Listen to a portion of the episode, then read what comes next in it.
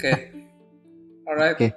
All right. Uh, hi, hi everyone. Um, we're back with um, the part two of our podcast. Uh, so datang ke podcast Mansplainer, the Mansplainer. Uh, I'm a mansplainer, you're a mansplainer. We're all we're all mansplainers and we're trying to do better. Uh, kemarin kita sempat kepotong ya sama um, Iya. sama Hakmer dan kemarin uh, ya memang ada se- uh, secara tidak beruntung Hakmer kedatangan tamu dan terpaksa uh, terpotong gitu ya. Cuman um, terakhir ya kita lagi omongin tentang apakah in fragile masculinity itu uh, inherent kepada manusia gitu dan apakah dia prominent di laki-laki dan kemarin uh, kalau nggak salah Hakmer jawab bahwa um, uh, fragile fragile masculinity itu pada nyatanya adalah uh, sebenarnya self esteem yang ter- terancam atau self esteem yang terserang ya gitu. Dan itu tidak Hmm. um, khusus ke laki-laki tapi siapa pun bisa bisa uh, bisa mengalami itu. Uh, mungkin bi- uh, bisa lu uh, apa ya uh, bisa lu coba menjawab ulang lagi biar mungkin gue juga bisa uh, mengasih pertanyaan lagi setelah itu gitu Uh, gimana Mer Uh, Oh. menurut lu fragile masculinity itu apakah inherent ke laki-laki atau enggak Oke, jadi itu kan fragile masculinity kan dari dua dua kata ya gitu. Satu fragile, rapuh, satu lagi masculinity itu sendiri. Ini kan kaitannya berarti dengan apa ya pembentukan identitas orang ya gitu. Eh, in general laki-laki eh, subscribe ke masculinity yang udah di set oleh lingkungannya gitu. Karena standarnya mungkin beda-beda di tiap negara gitu atau di tiap budaya gitu kan. Jadi ketika satu orang dalam pertumbuhannya eh, melihat nilai-nilai yang dianggap maskulin di kelompoknya dan dia tertarik untuk lebih maskulin karena dia lela- lelaki gitu kan dia akan menjadikan itu bagian dari identitas dia gitu dan ketika eh, dia tidak dia tidak kompeten di satu hal yang dianggap maskulin gitu. Di situlah muncul fragile masculinity itu sendiri gitu dari insecurity saya rasa gitu. Dari insecurity tentang identitas dia bahwa dia tidak memenuhi standar tertentu yang dia anggap maskulin gitu. Atau dia anggap dibutuhkan masyarakat seperti itu. Jadi apakah dia inherent di masculinity-nya? Enggak gitu. Dia inherent di eh, seberapa seberapa confident dia dengan dirinya sendiri gitu. Jadi mungkin di kompetensi dia sendiri gitu. Ketika dia tidak menganggap dia kompeten, terutama berkaitan dengan nilai yang kelelakian, dia merasa kayak uh, dia itu perlu menyerang balik sebelum dia diserang gitu. Seperti itu saya rasa itu uh, awalnya munculnya fragile masculinity itu sendiri gitu dari in- dia inherent di insecurity-nya bukan inherent di masculinity-nya gitu. Oke, eh, jadi dari yang dari yang gue tangkap dari penjelasan lu, jadi sebenarnya em, efek dari efek toksiknya dari efek toksik seperti eh, apa ya menyerang dan kayak vokal gitu ya saat Atau defensif atau defensif gitu sebenarnya adalah suatu trait yang inherent di semua orang gitu ya. Iya. Uh, tidak hanya di uh, laki. Cuman uh, di sini gue juga masih belum nangkep sih. Um, lalu uh, kalau memang dia inherent di semua orang, uh, kenapa ya gitu sampai bisa ada ya sebuah sebutan tentang fragile masculinity? Apakah memang uh, masyarakat sendiri yang sudah men- menstandar gandakan gitu ya? Uh, jadi oh jadi begitu mereka melihat um, seseorang cowok yang defensif wah ini berarti memang eh, apa traitnya cowok nih Nah, cowok top fragile masculinity gitu gimana menurut lu Mel? Gue rasa itu karena faktor yang terkait ya gitu. Yang kita lihat adalah fragility-nya, kerapuhannya, sementara faktor yang terkait adalah identitas dia gitu. Dia lelaki dan role dia sebagai lelaki apa gitu. Atau uh, pemahaman masyarakat soal role dia sebagai lelaki apa gitu. Jadi karena kebetulan dia lelaki maka trait yang bisa kita bahas adalah masculinity-nya sendiri gitu. Kalau dia perempuan mungkin dia bakal dibahas fragile femininity-nya mungkin gitu. Walau nggak walau kita nggak pernah jarang kayaknya dengar istilah fragile femininity atau toxic femininity gitu tapi bukan berarti nggak ada kan I see, I see. seperti itu Oke. Hmm, sekarang lebih jelas ya em, karena jadi se- bukan masculinity-nya bukan femininity-nya yang salah Iya iya. Em, mungkin sekarang mungkin gue gue bisa dapat gambar yang lebih jelas karena saat lu ngomong tentang fragile mas- masculinity itu eh, sebenarnya eh, ketika lelaki tidak mencapai suatu standar yang diset oleh masyarakat ya. Eh, lalu Hmm. dia merasa kayak kalau seandainya dia tidak me- mencapai standar itu, dia langsung defensif gitu kayak ngerasa em, kalau seandainya gue kurang laki nih, bisa-bisa gue diapain gitu kan bisa-bisa gue nggak dianggap laki lalu kayak dicemooh atau Iya. apa gitu jadi Lalu- identitas dia terserang gitu Iya, lalu untuk perempuan juga eh, ya ya ini em, eh, untuk perempuan juga sama ada fragile eh, femininity atau mungkin secara Iya. ini ya secara eh, asumsinya ada fra- fragile femininity ya gitu walaupun nggak pernah jarang diomongin orang gitu kan kayak eh, Iya. Tapi sebenarnya terjadi loh yang pernah kita bahas kalau misalnya perempuan sudah nikah nggak hamil gitu, nggak punya anak, dianggap iya, kan iya. rusak. Ah, Iya, seperti itu iya, kan. gitu. banyak eh, Dan dia akan dia akan menyerang dirinya sendiri kan gitu. iya Gue kurang wanita ya, gue gimana ya, iya gue gue nggak memenuhi peran gue. Gitu. Iya, gue rasa ini sih dan, dan ya maksudnya kayak lalu bedanya di mana gitu? Kenapa eh, ya maksudnya ini memang pertanyaan jujur gue juga sih. Kenapa tidak pernah diangkat itu fragile femininity? Ke- eh, apa sih da- eh, standar gandanya gitu? Kalau memang eh, lelaki dan perempuan juga sama-sama eh, merasakan insecure ya dengan gender stereotip dia sendiri ya atau gender standar gender Hmm. dia sendiri, kenapa hanya eh, fragile masculinity yang disasar gitu? Uh, pertanyaan gue adalah um, apakah karena ada efek apa eh, respon atau reaksi dari fragile masculinity yang dianggap jauh lebih berbahaya? Atau Hmm. mungkin eh, ketika cowok tidak mencapai standar em, maskulinitas maka lebih rugi lah gitu. Em, masyarakat menganggap eh, dia akan lebih rugi. Masyarakat lebih rugi seandainya lelaki tidak mencapai standar maskulinitas gitu. Makanya lebih eh, apa ya lebih di inilah lebih fragile masculinity itu menjadi suatu kontrol sosial gitu kan seperti yang lu bilang kemarin di episode terakhir Eh, fragile masculinity menjadi kontrol sosial baik lelaki oleh baik oleh lelaki atau perempuan eh, untuk eh, ngingetin gitu eh lu cowok nih lu harus eh, get in line gitu lu harus mencapai standar ini dan kalau seandainya lu Hmm. mencapai standar ini ada hukuman yang tersirat gitu kan ada hukuman tersirat untuk Hmm. lu gitu. Dan itu eh, itu manifestasi ke dalam cowok-cowok yang merasa insecure gitu kan. Enak aja lu manggil manggil gue lemah gitu kan. Enak aja lu manggil gue lemah gue kuat tahu gitu. Karena dia padahal dia Hmm. itu belum tentu kayak dia kuat tapi kayak dia nggak ingin orang tahu bahwa dia lemah gitu. Nah Hmm. mungkin pertanyaan gue adalah eh, menurut lu kenapa sih em, masyarakat justru lebih fokus ya gitu ke lelaki gitu. Kenapa?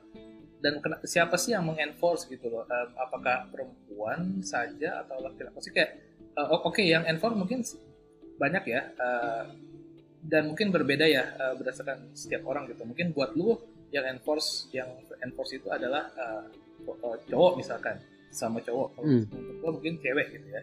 Tapi eh, Hmm. em, eh, mungkin di ujungnya adalah kayak mereka mengenforce eh, untuk tujuan apa gitu. Eh, kira-kira gimana menurut lu dua itu. Itu jadi kayak dua pertanyaan bukan ya? Iya dua pertanyaan memang. Karena ya, jadi, nggak bisa bilang itu juga sih. Terlalu fokus ke lelaki. Kalau itu lebih karena istilahnya gitu kayak kayak hipotesanya kayak yang tersedia karena ada women studies kali ya gitu. Atau feminism gitu kurang tahu ya gitu nggak berani ngambil kesimpulan yang itu juga gitu ya atau terlalu menduga-duga. Tapi kan yang tadi kita bilang perempuan sendiri kan ada efeknya juga. Tapi kalau lelaki kan eh, cara dia menghandle masalah itu lebih lebih reckless ya gitu. Eh, lebih high risk gitu. Makanya mungkin eh, percobaan bunuh diri laki-laki kan rata-rata sukses sementara perempuan eh, persentasenya banyak gagal gitu kan atau lebih lebih metodenya beda gitu metodenya mungkin racun gitu Sementara mungkin dalam cara laki-laki menghadapi stres dari kegagalan memenuhi standar itu seperti itu gitu. Mungkin dia lebih violent, mungkin dia atau lebih verbal atau lebih ribut gitu atau lebih gimana gitu. Sementara perempuan kan lebih menginternalisasi tapi nggak nggak sampai uh, ada efek nyata yang kelihatan ke masyarakat mungkin gitu. Mungkin itu kenapa tekanannya ke fokus lebih ke fragile masculinity karena lebih lebih kelihatan gitu di masyarakat gitu dibanding kalau uh, fragile femininity gitu. Mungkin itu. Pertanyaan kedua tadi apa ya? Um, pertanyaan keduanya adalah menurut lo tujuan apa sih yang ingin dicapai oleh uh, masyarakat itu sampai membuat kontrol-kontrol sosial seperti ini. Laki-laki harus hmm. kuat.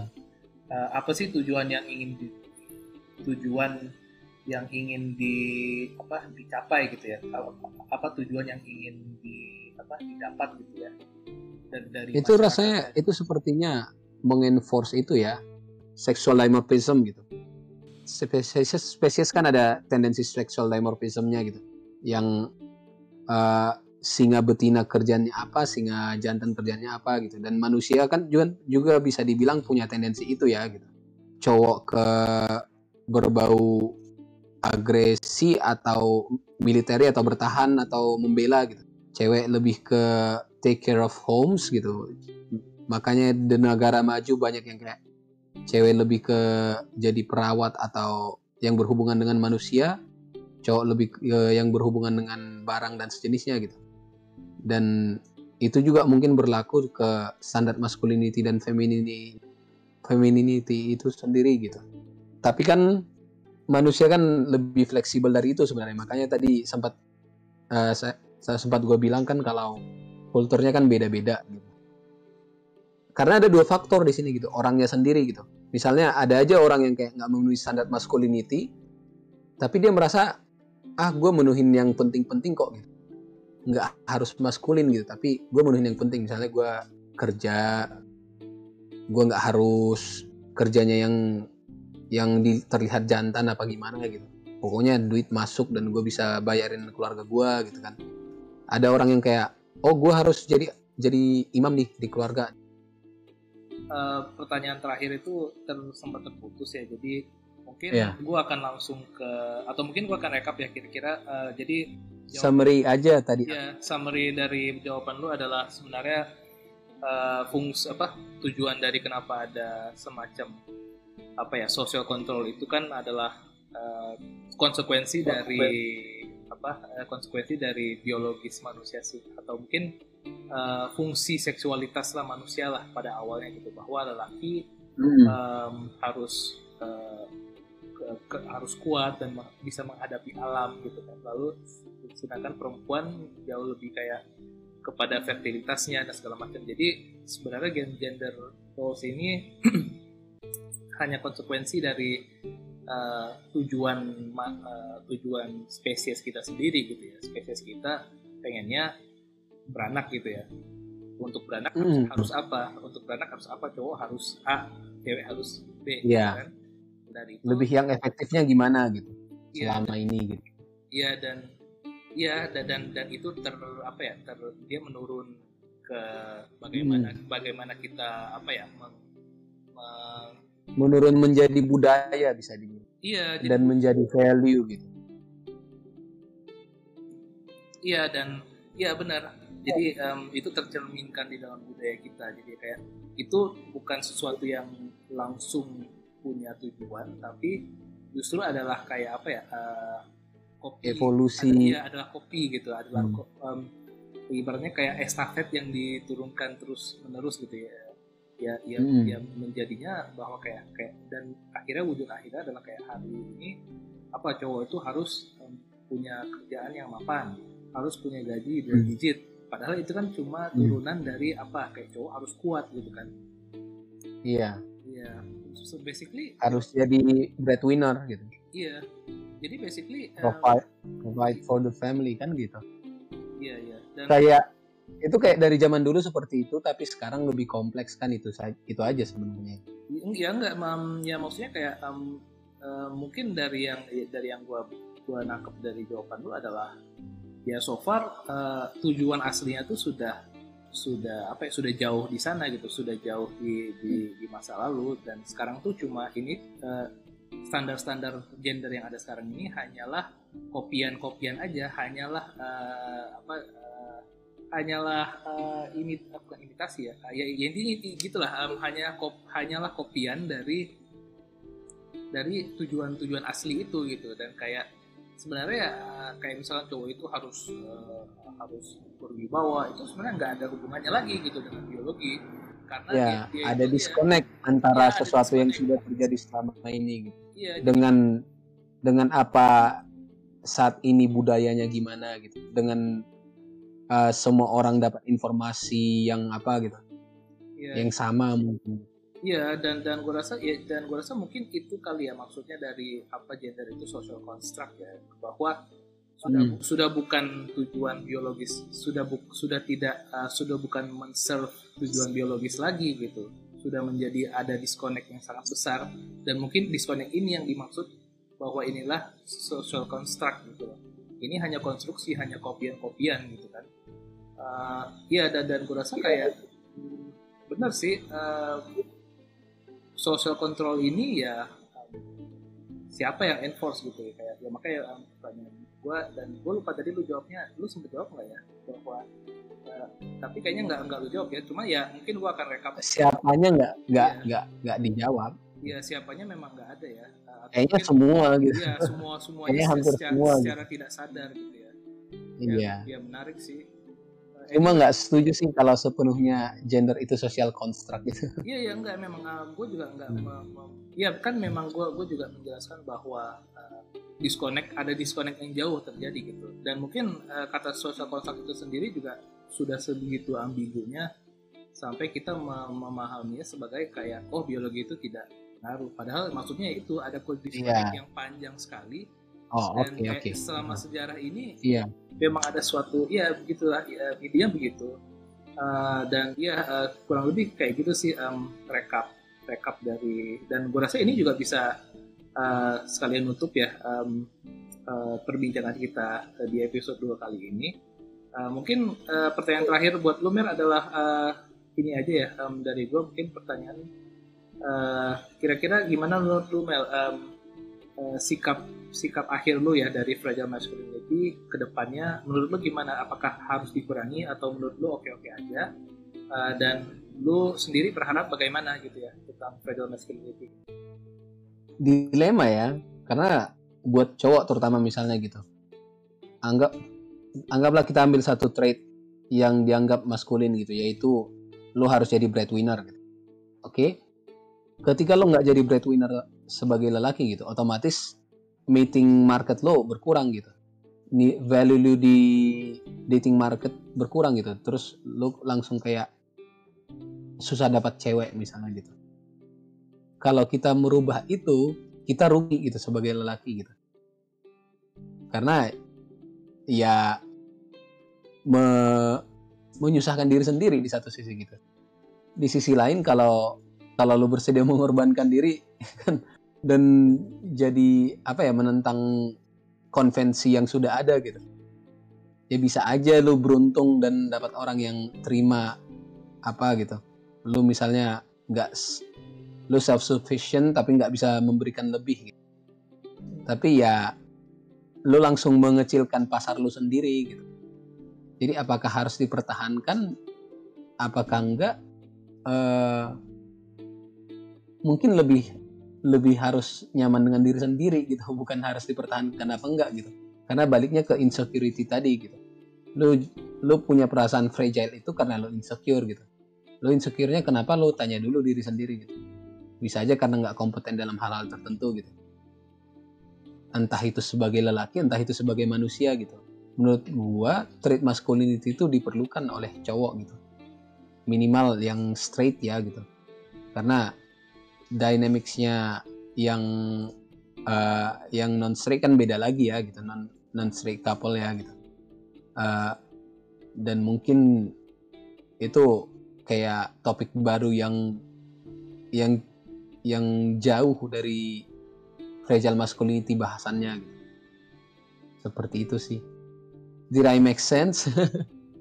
Ya yeah, you make you make pretty good sense sih Mer. Karena gue juga um, setuju ya gitu dengan masculinity itu. Gue gue sebagai laki-laki juga tidak alih-alih karena gue feminis gue merasa kayak ah masculinity laki itu trash dan kayak gak perlu lagi. Gue malah merasa um, uh, selagi selagi kita juga masih uh, minoritas gender kita dukung tapi uh, menurut gue masculinity juga is not doesn't have to go anywhere juga gitu. kita juga hmm. maksudnya penting juga untuk ekosistem gender kita gitu kan kalau mungkin gue ngelihatnya kayak bahkan kita nggak setuju dengan itu kayak the cards have been dealt gitu kan yeah. kartunya udah disebar karena nggak bagus tetap harus dimainkan kan seperti yeah. itu yes good finisher sih karena kayak walaupun gue ngerasa um, di, di samping gue ngerasa um, maskulinitas itu juga masih uh, perlu ya gitu. Um, atau atau setidaknya tidak perlu dibuang lah gitu.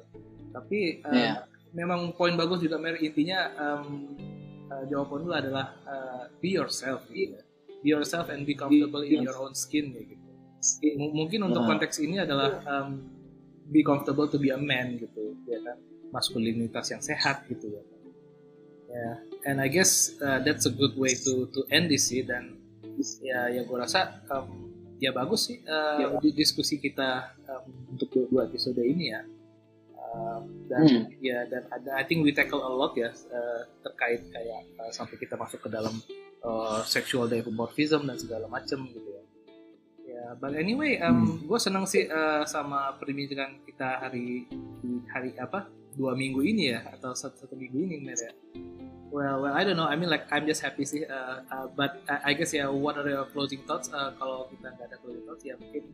I iya nggak nggak punya biar pendengar aja yang nyimpulin kira-kira gimana. Oke okay deh ya. Well anyway thanks banget ya Mer kita juga gue juga sebenarnya okay. seneng banget dengerin pendapat lu tentang ini walaupun uh, beberapa beberapa poin yang kita mungkin tidak see si eye to eye tapi yeah. either way gue senang sih karena kayak I did take some things from from our discussion sih uh-huh. gitu aja well well I hope you had a good uh, discussion with me too dan kayak um, I guess we'll just uh, edit here ya gimana oke okay. Alright. Ya. Yeah. Ya, makasih ya semuanya kalau gitu. Uh, okay. Thanks for the listeners juga. Good night, everyone. Ya, yeah, good night. Good night.